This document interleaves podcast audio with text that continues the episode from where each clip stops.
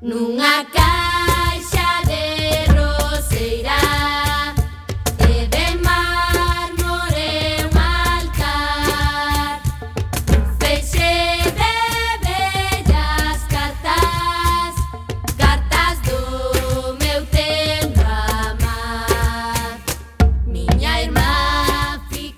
Moi boa tarde ou noite, que tal estades recendeiras e recendeiros? Sede benvidas e benvidos a este espazo radiofónico semanal Un espazo que dedicamos á cultura e que facemos en rigoroso directo todos os martes a 7 da tarde Aquí en Coaque FM no 103.4 do voso dial, a Radio Comunitaria da Coruña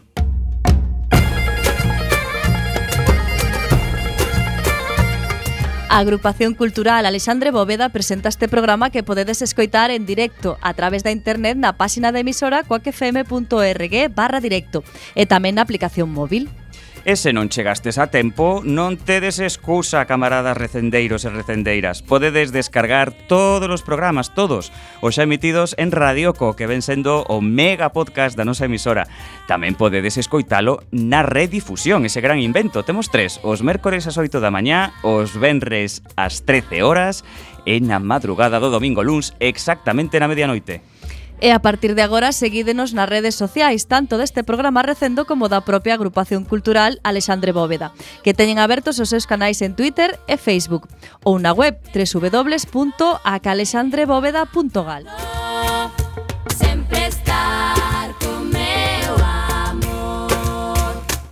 Se vos parece, imos xa caralón a procura desta, como sempre, fantástica aventura cultural con Roberto Catoira no control técnico e falándolles con esta alma inteira a singular Marta López na locución. o meu ben querido Manu Castiñeira.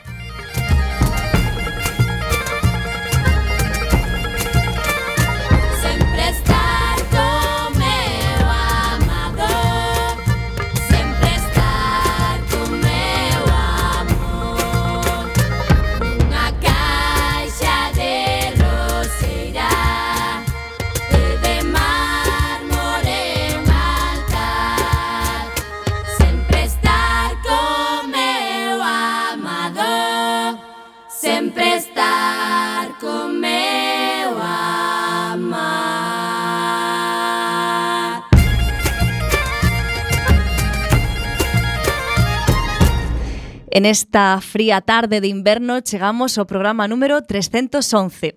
Contaremos como convidada con Cristina López Villar, profesora na Facultade de Ciencias do Deporte e a Educación Física da UDC, que publicou o ano pasado coa Deputación da Coruña un libro sobre as pioneiras do deporte en Galicia. Tamén, como non, temos cabida para a sección de artes plásticas a cargo de Neve Seara, así como as outras actividades da nosa agrupación e outras cousas, eventos que se van producir na Coruña e na Galiza e que, por suposto, tamén son cultura. E como hoxe imos falar de mulleres pioneiras galegas, o máis acaído será escoitar algunhas cancións do fantástico disco recopilatorio Cántigas de Mulleres, editado en 2012 e que xa visitamos en varias ocasións, pero que dá para moito. Presentamos a primeira peza de hoxe titulada 6 AM do grupo e Alma, formado por fillas de galegas que viven en Bruselas.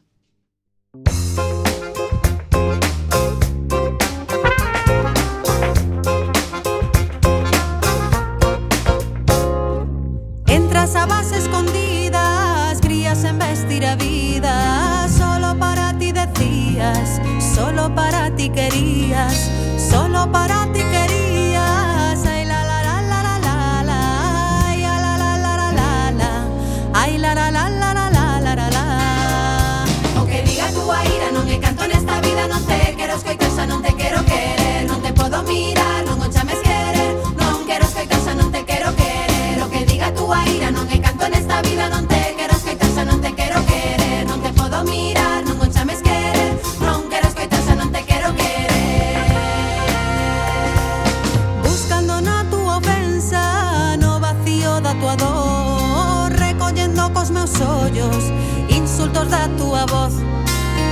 んと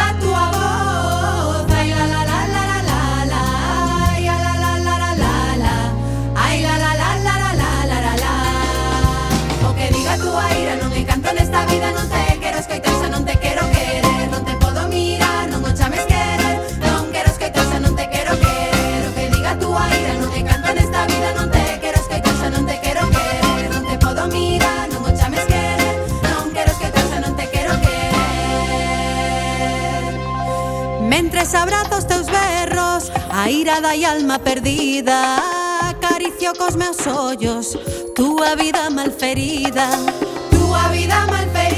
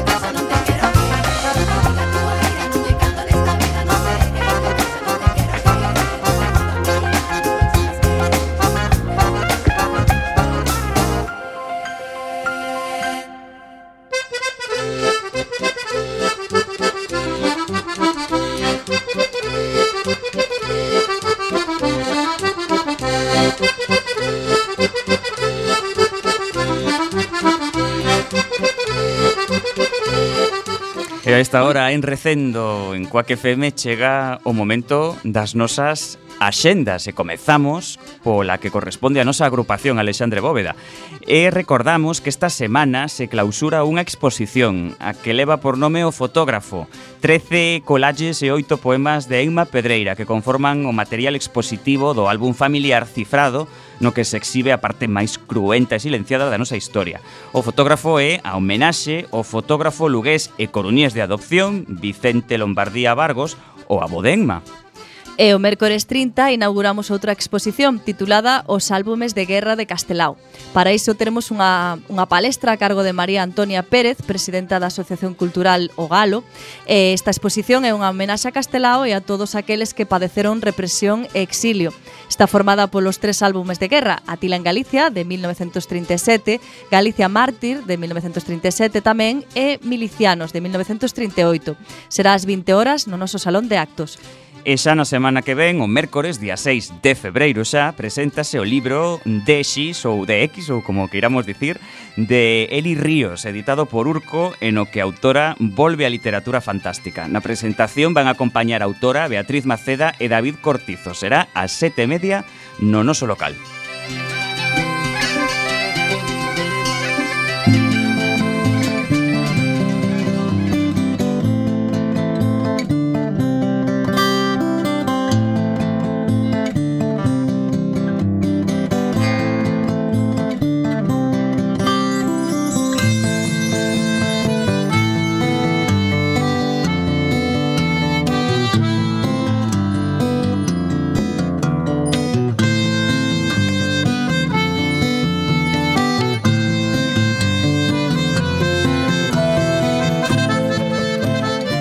Imos agora a Xenda da Coruña empezamos polo eido audiovisual. No Cegai, esta semana, proxectanse varias películas máis do ciclo en homenaxe ao cineasta xaponés Kenji Mitsuguchi. O mércores 30 poderedes ver os músicos de Gion e o Benres 1 os amantes crucificados, nos horarios habituais das 18 e 23 horas. E co mes tamén rematan os dous ciclos de cine do Fórum Metropolitano, o de Bernardo Bertolucci coa segunda parte de 900 e o de estreas en versión original con o Cairo Confidencial, desde o xoves 31 ata o sábado 2 xa de febreiro nos horarios habituais e xa coñecidos nestas salas. E nas artes escénicas, no ciclo principal, volve o Teatro Galego coa historia compañía Teatro do Atlántico. As actrices María Barcal e María Ángeles Iglesias representan dúas donas que bailan. Unha obra de Josep María eh, Bennett e Jornet baixo a dirección de Xulio Lago. Será o Benresún e o sábado 2 ás 20.30 horas no Teatro Rosalía. Non nos falta un pouco de música. Seguen visitando nos grupos da escena portuguesa. Nesta ocasión faino Dead Combo co seu sexto álbum de estudio Odeon Hotel, que liderou todas as listas de éxitos portuguesas. Vai ser o xoves, o xoves día 31 ás 8 e media no Teatro Colón. E no mesmo lugar, pero ao día seguinte, visita Ilustre.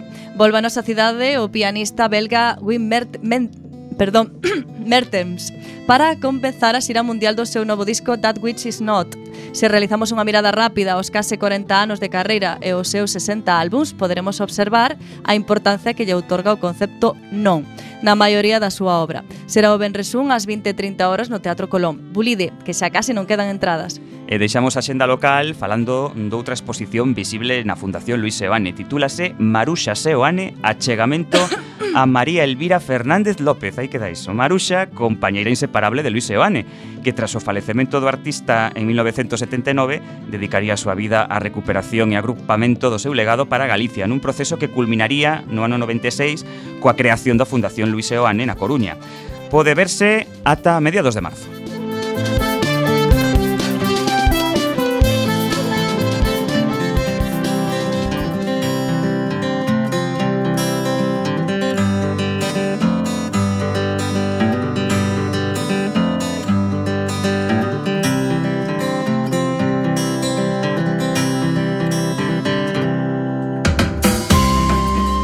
a quenda da Xenda de Galiza empezamos por Lugo. Gilles Robson é un dos músicos de blues máis recoñecidos en Europa, cantante e intérprete. Leva a súa armónica a outro nivel. Blues sucio, auténtico e brutal que está conseguindo críticas favorables e reaccións estelares da audiencia. Un blues de clase mundial no seu estado máis puro, primordial e emocional.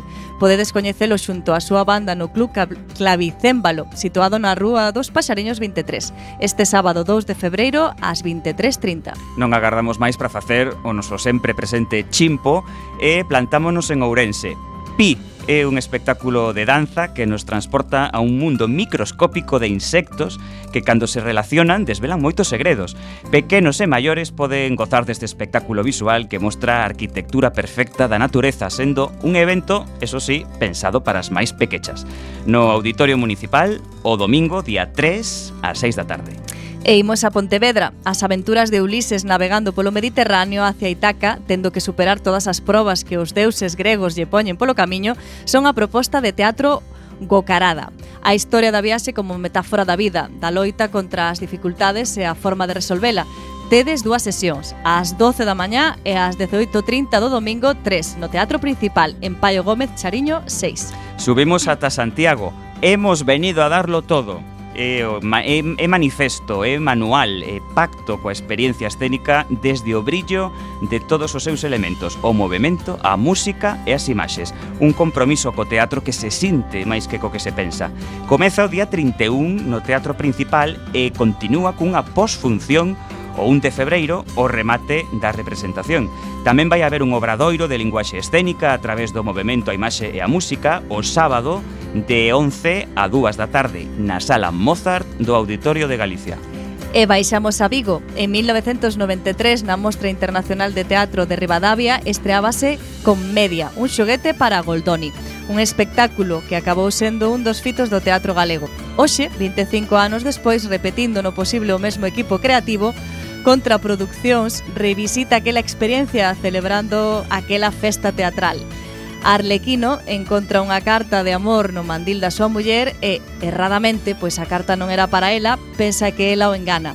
Desesperado, quere matarse, pero podedes velo no Auditorio Municipal o venres e o sábado ás 21 horas. E subimos de novo, chegamos a Ferrol e aquí rompemos esquemas falando da representación do espectáculo Señora, musical homenaxe a Rocío Jurado a máis grande o día 2 de febreiro sábado no Teatro Jofre da cidade de ferrolana. É un dos espectáculos musicais con máis proxección para este ano 2019, con actuacións previstas nos escenarios principais a nivel nacional, ás 8 e media. E como vila convidada, hoxe imos a C, Familia No, gracias. E vos un espectáculo no que o monologuista Pedro Brandariz analiza dunha maneira cómica as relacións familiares que se dan entre as fillas e os fillos e as nais e os pais, e tamén cos avós e aboas, os irmáns, os primos, a familia de lonxe e a de cerca. Todo isto desde un punto de vista humorístico e teatral no Auditorio da Casa da Cultura o sábado 2 ás 20 horas.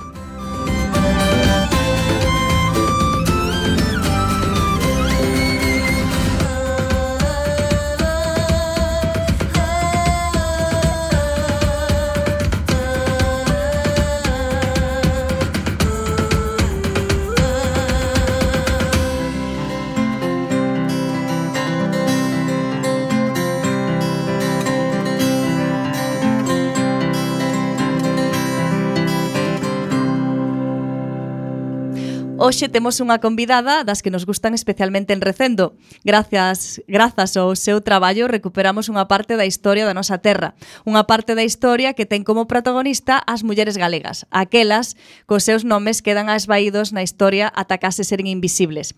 Hoxe falamos do libro Pioneiras do deporte en Galicia, un título suficientemente descriptivo para que vos fagades unha idea do que vai o programa desta tarde. A autora de Pioneiras do deporte en Galicia é a profesora e doutora da Universidade da Coruña, Cristina Cristina López Villar.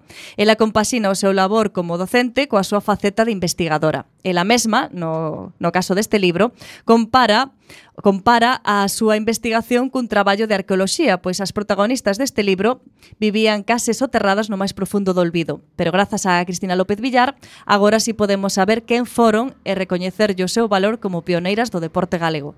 Efectivamente, pois este libro, Pioneiras do Deporte en Galicia, está editado pola Deputación da Coruña. Este volume repasa e pone en valor as precursoras dos diferentes deportes en Galicia nos anos comprendidos entre 1850 e 1930. Durante sete anos, Cristina adicouse a analizar as diferentes fontes históricas, así como a entrevistarse con algunhas das protagonistas destas loitas. Pois, pese a que falemos de deporte, en realidade estamos a falar de persoas que contribuíron a reivindicar novas prácticas e espazos para as mulleres. En pioneiras do deporte en Galicia atopamos moitos nomes. Algún deles non nos dirán nada, outros son tan populares e coñecidos como Emilia Pardo Bazán, Concepción Arenal ou María Barbeito. Moitas son as prácticas deportivas das que atopamos testemunho, pero por citar algúns, pois poderíamos falar de hockey, ciclismo, automobilismo, fútbol, incluso aviación. Sen máis preámbulos, damos paso á autora de Pioneiras do Deporte en Galicia, Cristina López Villar. Moi boas tardes, Cristina. Hola, boa tarde. Bueno, contanos como che ven a cabeza a idea para escribir este traballo. Pois eh, a idea foi un pouco pensando no que estaba a acontecer en outros ámbitos donde sempre se fala de que as mulleres están invisibilizadas ou que ás veces non salen nos libros, non? Eh, moitas veces existen, pero están ocultas. E entón eu que estudiara a carreira de Ciencias do Deporte eh, non escoitara moitos nomes de mulleres, non? E se falaba da historia de aquí, pois tampouco eh, era fácil atopar historias, biografías ou outro tipo de documentación donde as protagonistas fosen mulleres. E entón, bueno, pois empecéi un pouco con algunha pista que si sí existía. Por exemplo, Oscar Losada fixera un traballo sobre Irene a Porteira, algunha pistiña así pequena que me levou pois a peregrinar e a facer ese traballo de arqueoloxía que decíades vos, porque era chegar aos arquivos e ir, bueno, intentando atopar algo e ás veces pois era complicado. Entón empezaches digamos, tirando deses fíos, non? Non tiñas sí. unhas referencias moi claras, unhas fontes moi claras ás que acudir eh, nun primeiro momento. Non, de feito eu chegaba aos arquivos e preguntaba se tiñan algo sobre mulleres e deporte, a, a resposta sempre era que non, e entón eu lles decía, pero igual fotografías de mulleres que pasean a beira do mar ou algunha muller que este en bañador ou en bicicleta, o sea, que iba dunha maneira bastante humilde porque non sabía moi ben o que podía ver e me conformaba con que hubera señoras que paseaban. eh, desde ese principio, eh, eh, camiñando uns pasos máis, que a que fontes conseguiches acceder para ir poñéndolle forma o que ao final foi o libro? Pois pouquiño a pouco, eh, tiven a sorte de entrar en contacto con familias de os fillos ou sobriños ou incluso dúas xogadoras de, de hockey dos anos 30 e entón, bueno, esas foron unhas fontes máis de tipo oral, non? que tuven a sorte de poder entrevistar, de compartir, pois eh, eles compartiron comigo as, as súas imaxes, digo eles porque eran homes, e, e elas que, que eran as xogadoras e unha irmá tamén de, de outra xogadora eh, pois os seus relatos no? que, que eran a verdad que moi interesantes porque non só me contaban cousas do deporte senón da época porque teñan unha, tiñan unha memoria impresionante no? lamentablemente as xogadoras xa faleceron pero María Jesús, que é a irmá de unha das xogadoras, ainda está viva eh, moi maior, pero ten unha memoria impecable. Uh. Outras fontes, bueno, foron os arquivos. Eh, por exemplo, aquí no Arquivo Municipal da Coruña... Había material. Pois inicialmente non había, non? Cheguei, non había material, empecé a mirar postais... Eh, e un día a directora me dixo eres a rapaza que busca información sobre deporte? E eu lle dixen, sí, sí, sí. Había un álbum de flores E entón foron a buscar o álbum de ah. flores. E cando apareceu o álbum de flores, non só apareceu ese álbum que tiña fotos das xogadoras do equipo Artabro daqui da Coruña, sino que había moitísima documentación do clube porque o seu entrenador era o famoso Bugallal e, e entón el pois como periodista conservaba moita documentación e ademais como presidente do club tamén recibos, cartas do club, moita, moita, moita información. E cal é a referencia máis antiga da, as deportistas galegas?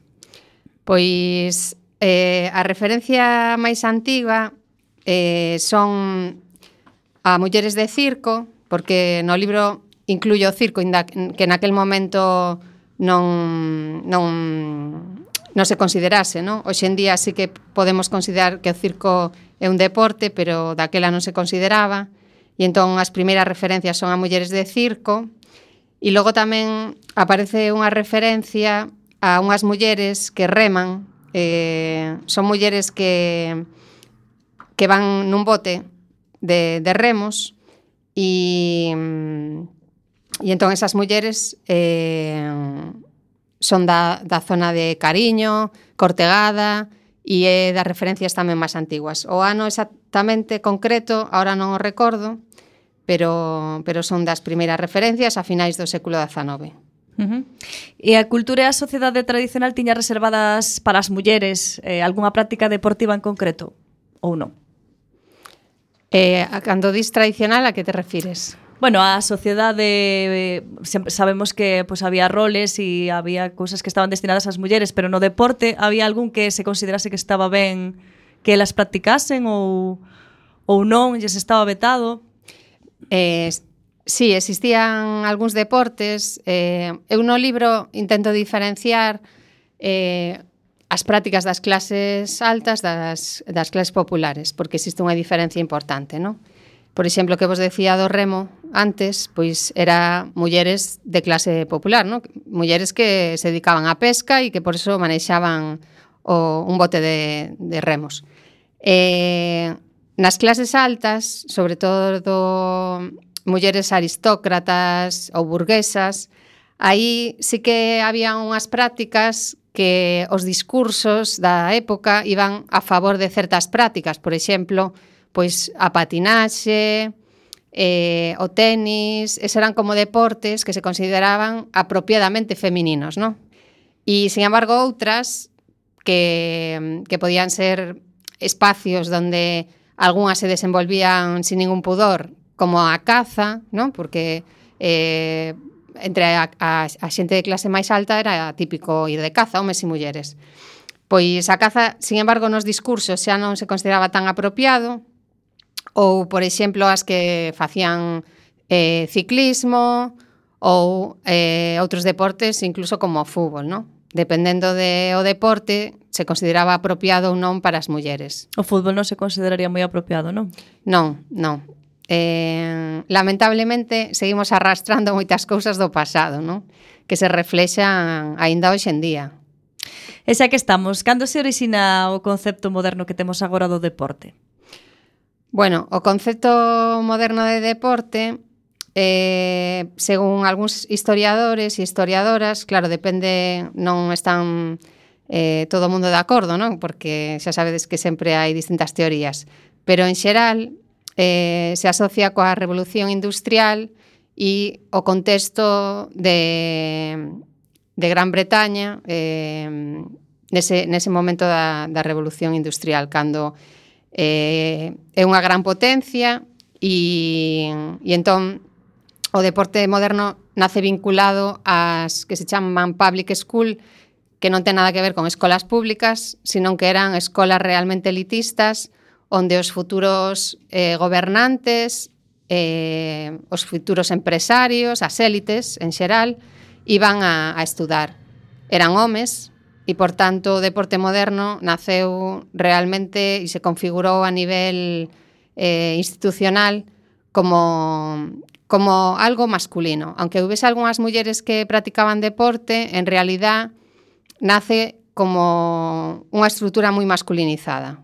Mm, bueno, nunha sociedade patriarcal, non? Sí, sí, bueno, a sociedade aquel momento era racista, machista e clasista, porque imaginadevos vos eh, un, o que se denominaba un imperio, ¿no? Eh, se consideraban un imperio, invadían o, bueno, eh, usurpaban ¿no? Eh, a riqueza de moitos lugares sin ningún pudor e, e en ese contexto é donde eh, nace o deporte. De feito, nos primeiros xogos olímpicos modernos, ¿no? falando da modernidade, o varón Pierre de Coubertin, que era un dos que o, o máximo representante de, deses xogos, eh, consideraba que as mulleres pois eh, estaban para coroar o vencedor, que isto ainda o seguimos a ver, ¿no? en determinadas, aunque está cambiando un pouco, pois esas frases de Coubertin ainda as podemos aplicar hoxe en día, El consideraba que era antiestético que as mulleres participaran en deportes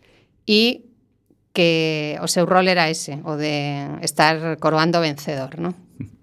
Imos eh, facer unha pausa musical, pero xa moi pronto enseguida continuamos a nosa conversa con Cristina, que nos está resultando bastante instructiva. Seguimos repasando ese recompilatorio Cantigas de Mulleres do ano 2012. En esta ocasión traemos o grupo Leilía con este tema que leva por título Voz das Amigas. A miña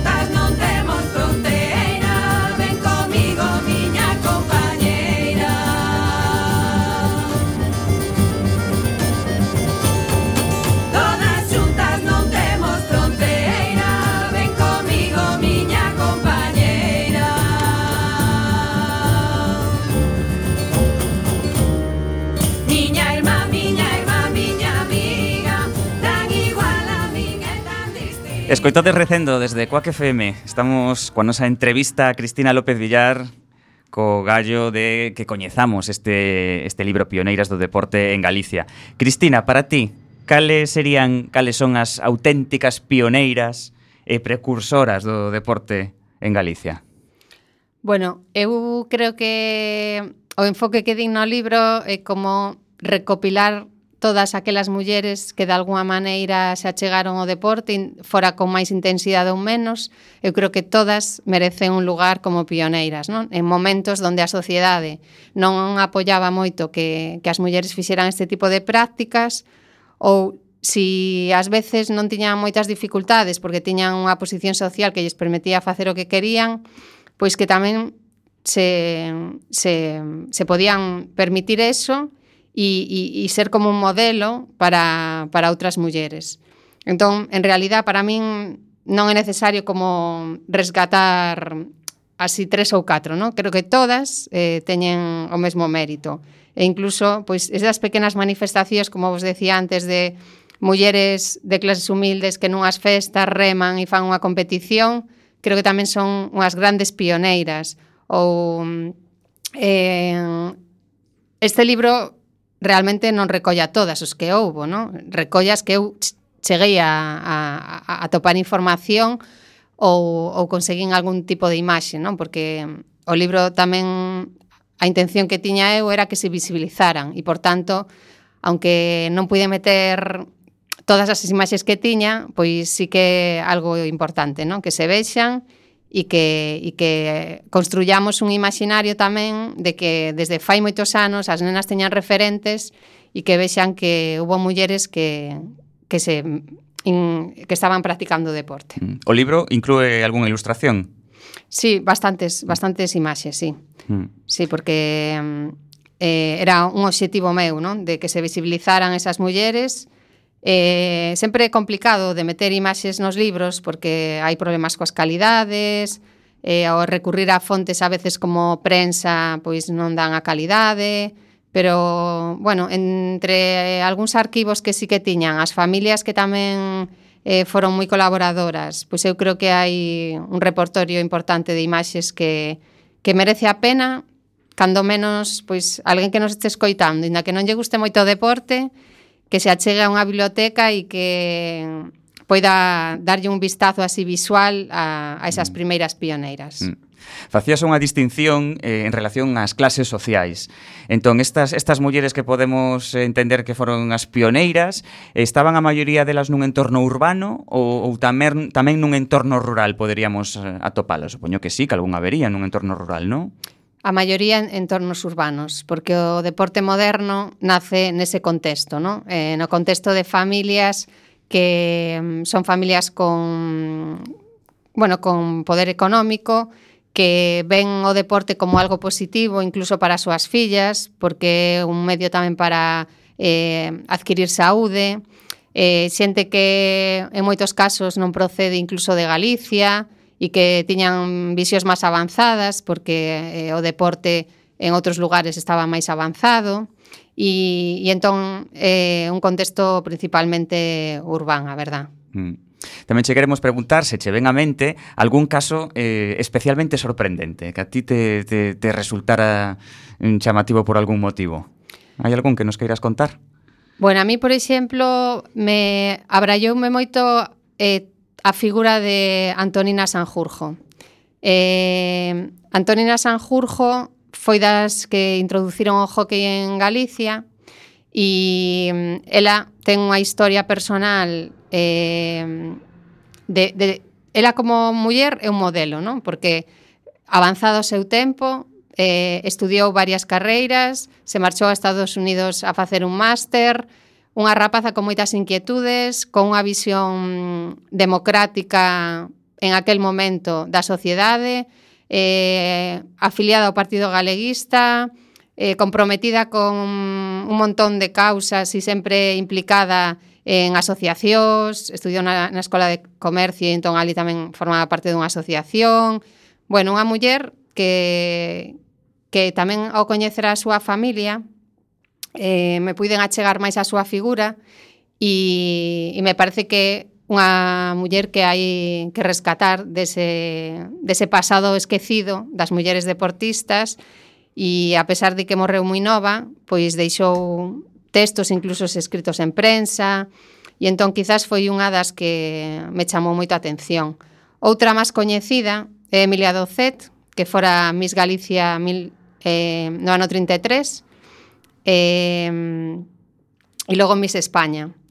E, e, e por exemplo, esa, esa figura de, de Emilia Docet eh, me, me atención por, por como era un modelo de muller moderna que non só pois, estaba interesada por, polo deporte, sino que tiña diferentes inquietudes, tamén estudiaba na Escola de Comercio, Entonces hai así varias mulleres que, que me chamaron a atención.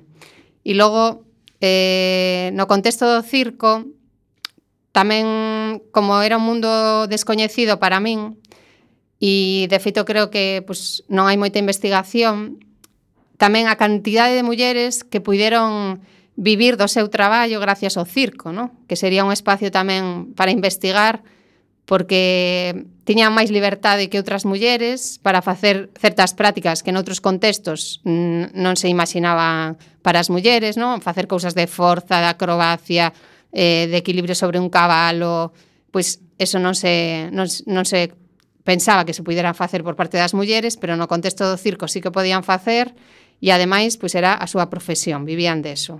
Uh -huh. E recolleches tamén o testemunho de algunhas das protagonistas, non? Cal foi a súa reacción cando souperon cal era a túa intención? Bueno, eu creo que todas as persoas cando te achegas de forma eh, de investigación por outras experiencias tamén de entrevistar a mulleres deportistas, pois eh, sempre se poñen contentas porque son persoas que teñen unha historia moi interesante, e que normalmente están invisibilizadas. Entón, a reacción foi moi positiva, moi cariñosas e, e abrindo máis portas da súa casa.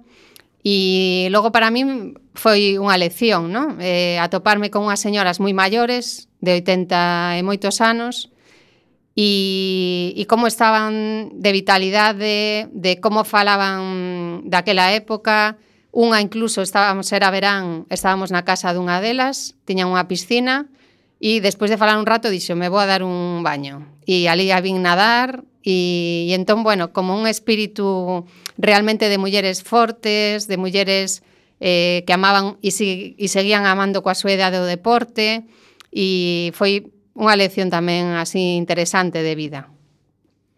Moi ben, facemos outra pausa porque resulta que temos unha cita coas artes plásticas e coa nosa colaboradora Neves. Esta é a súa sintonía.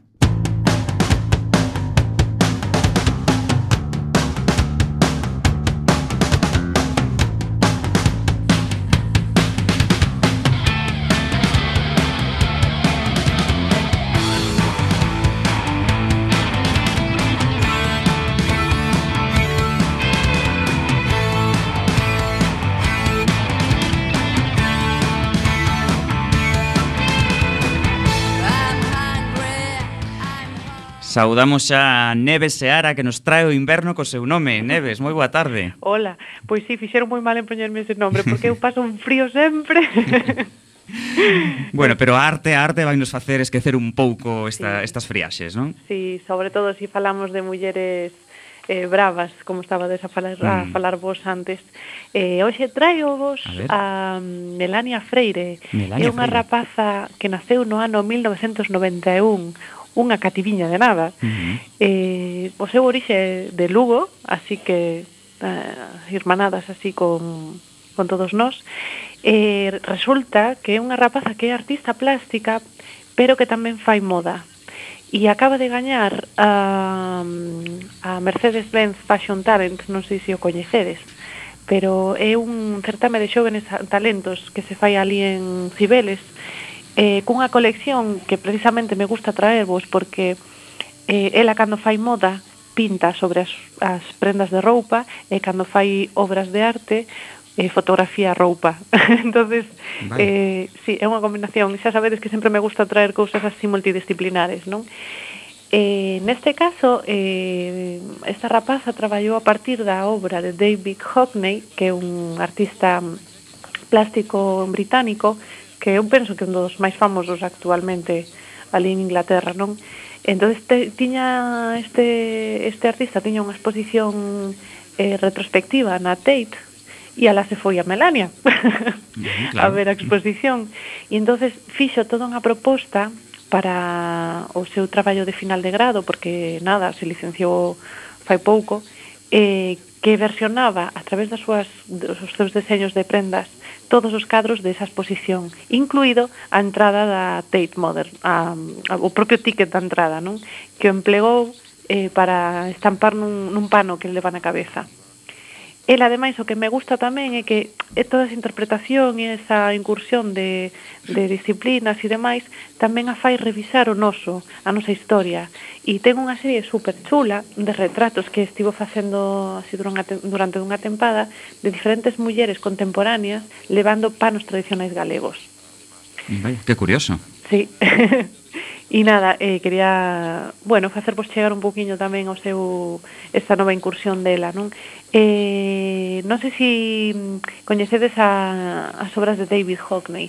Son, son mm. cadros así como moi influenciados polo pop art, con cual son zonas así son cadros de paisaxes de, de piscinas, eh, fala moito tamén das súas relacións sentimentais, eh, pero sempre con formas planas e colores super vivos, non?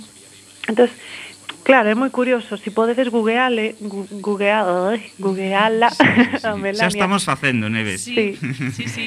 Que o noso técnico está aí... Roberto xa nos está buscando. Claro. e xa estamos vendo algunha das súas obras precisamente. Sí. Pois pues sí. precisamente podedes ver ne, nesas prendas que esas formas sólidas mm. que, que o propio David Hockney fai nas, nos, nos cuadros, ela as reinterpreta e as trae as, os planos das telas. E o, o que máis me eh, alucinou a min cando cando falei con ela do, do seu traballo foi precisamente que ela me contaba que cosía cada prenda ela sola ás veces con algo de axuda así de máquina e demais, pero bueno, que a cosía e a pintaba ela o sea que trae o debuxo e as pinturas que veis que vedes ali reflectidas nas prendas eh, están pintadas todas por ela. Mm. Eh, eh lembranos eh, Neves como se chamaba esta muller, Melania? Melania Freire. Melania Freire. Sí. Mm. E tede, tede en conta o seu traballo porque eu penso que vai a mm. chegar moi lonxe. É unha rapaza que está licenciada en Belas Artes primeiro e despois licenciouse en, na Escola de, de Moda de Esdenga, que, que na mesma facultade, ali en Pontevedra. Mm eh, xa expuxera comigo aquí en Aire Centro de Arte un, o seu proxecto de, de identidades a través do, do pano tradicional galego e demais. Por eso lle sigo un pouco a, a Trécola, non? E é unha muller brava e ben traballadora, o sea que mm. se si lle seguimos a pista, seguro que volvemos a, a, a escoitar dela. Moi ben, pois Neves, uns apuntamentos eh, moi interesantes e moi vistosos o que nos, os que nos trouxeches hoxe, así que moitas gracias, eh, teremos en conta estes Nada. nomes que están xa anotados, que os saibas. A vos, xa podedes ir comprando unha prenda de roupa da Melania porque ah, por efectivamente. vais a facer famosa. moi ben, ata a próxima Neves, unha, unha aperta. aperta. Nos seguimos ca nosa conversa con Cristina López Villar, que nos está a falar de, dese ese libro Pionoiras do Deporte en Galicia, que nos comentaba que recollera o testemunho de algunhas das protagonistas que eran mulleres xa moi maiores e que seguían amando o deporte, que seguían estando ademais en moi boa forma polo que decías, pero elas recoñecíanse como pioneiras ou, ou non? Ou non se vían como... Sí, sí, cando falabas con elas de eso, sí, porque claro, se daban conta que non había nada, E, e mm, bueno, por exemplo, falando co fillo de Gloria Tapias, que é outra xogadora de hockey de Vigo, quizás no libro adico un capítulo especial ao hockey porque mm, um, aí houve moitas familias que me pasaron información e porque creo que tamén é un dos deportes que, que destacou, destacaron varias xogadoras galegas, tamén algunhas de Coruña da, eh, da familia Jones. E, mm, bueno, a Jones E, e, e por exemplo, Gloria Tapias, que estaba falando antes dela, eh, xogou coa selección española de hockey. Entón, se estamos falando de 1933, 35, 36, eh, que mulleres de Coruña, de Vigo, foran seleccionadas para xogar en Madrid, por exemplo, No primeiro partido da selección que xogou Gloria Tapias, ela era a única galega, o resto, a, o resto de xogadoras eran de Madrid. Entón, bueno, creo que son mulleres que, que teñen historias realmente interesantes e que eran mulleres que eso, se desplazaban a outros lugares para poder facer a súa práctica e eran conscientes porque todo estaba empezando, pois non había federacións, E na primeira reunión para crear a Federación Galega de Hockey, pois estaba Antonina, por exemplo, non? que querían que fora a presidenta, pero ela teña previsto xa marcharse a Estados Unidos e entón non quixo asumir a, a presidencia, non?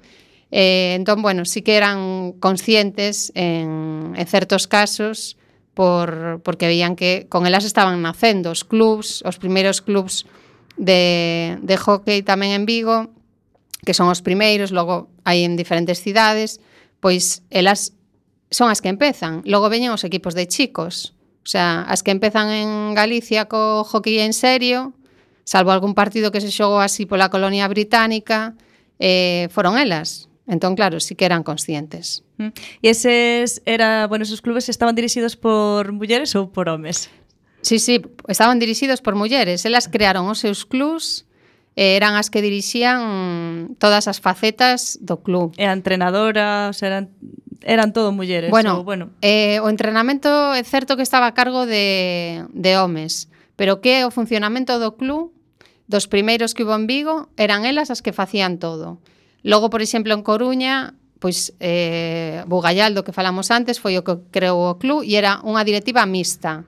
Había tanto mulleres como homes. Entón, estas cousas tamén nos fan pensar en que hoxe en día, claro, pasamos por unha dictadura que segregou totalmente o deporte e diferenciou moitísimo o deporte para homes e para mulleres, pero que a veces, se si miramos para o pasado, pois incluso había certas prácticas que eran mixtas, que homes e mulleres practicaban, por exemplo, en piragua e en varias modalidades de mm, no mar, pois había práctica mixta, en, había carreiras donde se corría por parellas homes e mulleres eh, a inicios do século XX. Entón, bueno, eh, fomos hacia un modelo de deporte eh, moi segregado, tamén o deporte institucionalizado e en busca dos récords e todo o movimento olímpico que xa dixemos antes de onde viña, no? de unha ideoloxía moi moi misóxina, pois foi configurando eh, espacios moi separados, pero creo que é interesante recuperar tamén esas prácticas que incluso no pasado eran máis integradoras, digamos. E ben, temos a, a impresión de que hoxe en día o deporte feminino, xa centrándonos un pouco máis a partir do que dis, pero na actualidade, eh, segue sendo infravalorado. Que nos sí. podes decir ao respecto disto? Bueno, respecto disto necesitábamos un programa inteiro, pero bueno. Eh, seguimos dependendo dos deportes, non? Hai deportes que están moi feminizados e é difícil que vayan os chicos ou os nenos, e, e hai mm, deportes, claro, altamente masculinizados onde a dificultade está en que se lle faga un espacio a rapazas. Eh, son culturas que arrastran unha tradición eh, donde se valora o masculino e entón é moi difícil que, que se cambien esas ideoloxías e esas culturas de funcionamento, non? Eh, o vimos con varios eh, temas que saíron así nos medios, pois cando, por exemplo, se, se hai unha seleccionadora para un equipo de homes, aquel caso que hubera do tenis, e, bueno, é, é como que hai unhas tradicións donde costa ver as persoas como seres humanos. O sea, os vemos polo seu sexo e, e, e sabemos que hai eh, na sociedade un sexo que é o que está máis valorado e que en canto ao deporte a sociedade o ten como modelo, non? Incluso xa como modelo e polo tanto, por exemplo, me decía unha alumna miña que unha vez lle dixeron, "Oye, xogas moi ben ao baloncesto, eh, xogas como un home." E ela se ofendeu bastante, ¿no? Porque decía, "Non xogo como un home, xogo como eu", ¿no? O sea, como como, como xogo eu, no? Entón, bueno, temos así moito moito que avanzar todavía. Eh, este fin de semana houve unhas carreiras do programa Xogade da Xunta. Eu non entendo como a día de hoxe siguen poñendo menos distancia ás nenas. Estamos falando de nenas moi pequenas, eh, solo na categoría inferior eh, hai a mesma distancia de 500 metros para nenos e nenas e logo xa empezan a facer diferencia as nenas menos que os nenos. Isto non se sustenta, nada máis que en unha ideoloxía machista.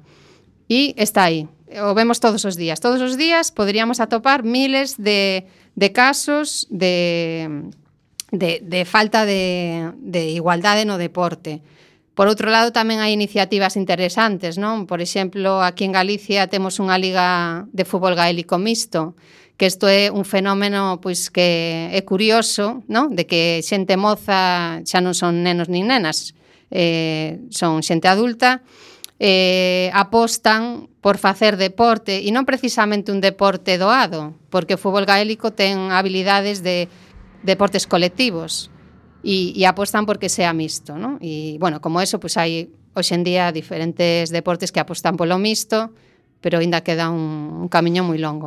Sí, eh, vivimos nunha sociedade seica que progresa, aínda que eso podemos deixar en entredito, pero claro, como revertimos esta situación? Porque o tempo pasa, eh, hai avances, pero parece que son moi tímidos, non? Claro. Eh, mm, Sempre ademais se di a educación, non? Pois eu non diría só a educación, eu diría tamén... a legislación. Claro. E entón, por exemplo, pois eh, se subvencionan federacións, se subvencionan clubs, maior exixencia con que están facendo. Eh, moitas veces se subvencionan ademais para que apoyen o deporte feminino, reciben eses cartos e o que fan é unha actividade mínima para deporte femenino e siguen beneficiando o deporte masculino. Entón, creo que hai que ser máis contundentes. Habería que eh, reforzar máis eh, os cambios a nivel legislativo e incluso multar. O sea, se si alguén eh, non se comporta eh, a favor da igualdade, pois eh, se é ademais nun contexto donde se, eh, se están recibindo cartos públicos, pois eso que reciba algún tipo de sanción para, para que non se produzca. Deberíamos de como sociedade poñernos máis firmes, non? As mulleres estamos tan acostumbradas a que a escoitar eh, frases machistas, chistes machistas, eh, que unha nena, cando está xogando nun campo de fútbol, escoita que igual a un neno se lle di corre, non seas nena, mm. que xa nos parece tan natural, pois isto eu o multaría, por exemplo. Non se pode, non se pode permitir que un adestrador faga ese tipo de comentarios. Non se pode permitir, por exemplo, que un adestrador lle diga a unhas nenas que mm, que elas o fagan de outra maneira, porque como son nenas, ¿no? con, con menos exixencia. Non, hai moitas cousas que a día de hoxe eh, temos que poñernos as pilas, non? Eh, os profesionais das ciencias do deporte e empezar a, a consultar incluso a, a ciencia, non? As investigacións din que incluso para os entrenamentos de forza pois eh, que non hai diferencia e que Ademais, por exemplo, eh, as mulleres recuperan antes que os homes en, en, en certos entrenamentos. Entón, bueno, pois non seguir con esa idea tan segregada de que e de inferioridade, sobre todo, porque ao final ven por esa idea de que as mulleres son inferiores, non? Mm, de todos os xeitos, a ver, eu non creo que mm, eh, vamos a me estou liando. Eh, sí que hai unha diferencia física, pero eso non, te, non debería de ser un problema. Eu creo que ao mellor esos deportes tamén foron pensados para, para homes, ideados por eles. entonces de alguna maneira destacan máis ou xogan dunha maneira que pode ser considerada, entre comillas, millor, pero ao mellor as mulleres tamén deberían de intentar eh, destacar noutro deporte que non sea ou eso moi difícil. Quero decir, Sí, te entendo que queres decir. Bah, sí, porque sí. creo que me quería decilo sí. e non quería decilo de forma que se me malinterpreta, me queden sí. aí un pouco... O problema é que a sociedade o que facemos as mulleres o valoran É que nós mesmas peor. incluso valoramos máis eses deportes, ou mellor, incluso as, as propias bueno, mulleres. Algúnas mulleres, sí, porque o tema de ser feminista non ten que ver co sexo. O sea, hai mulleres máis machistas sí, que algúns homes, non? Entón, en realidade, eh, é como nos consideramos O sea, todos os deportes no que destacan as mulleres están peor valorados que os de hmm. deportes onde destacan os homes. Se non, poderíamos ter unha sociedade nas que están forradas e reciben eh, contratos millonarios foran as de xinasia rítmica. Isto non ocurre, no. non? Non ocurre porque non é a cultura masculina a que promociona isto. Na cultura masculina o que nos interesa é que todos sexamos xogadores de fútbol. Entón, eh, é algo social, porque en Estados Unidos as que xogan ao fútbol son as rapazas, os chicos xogan ao fútbol americano. Entón, é moi complicado eh, facer que as rapazas destaquen e sexan modelos porque a sociedade en sí non ten esa visión de igualdade, non? Xa está configurada para valorar o masculino por riba do feminino. Cristina, nos quedamos sin tempo, isto daba para moito máis. Sí, Pero a radio que ten, eh, moitísimas gracias por acompañarnos hoxe. Gracias a vos. E sen tempo para máis odiseas imos chegando ao fin do camiño deste recendo. Despedimos o programa de hoxe agradecendo aos nosos convidados que como sempre son de honra. Hoxe tivemos a Cristina López eh, Villar, profesora da UDC e autora do libro A pioneiras do deporte en Galicia e a Neves Seara ca súa sección de artes plásticas. E agradecemos tamén o noso comando equipo de produción formado hoxe por Roberto Catoira, Javier Pereira e eu mesmo.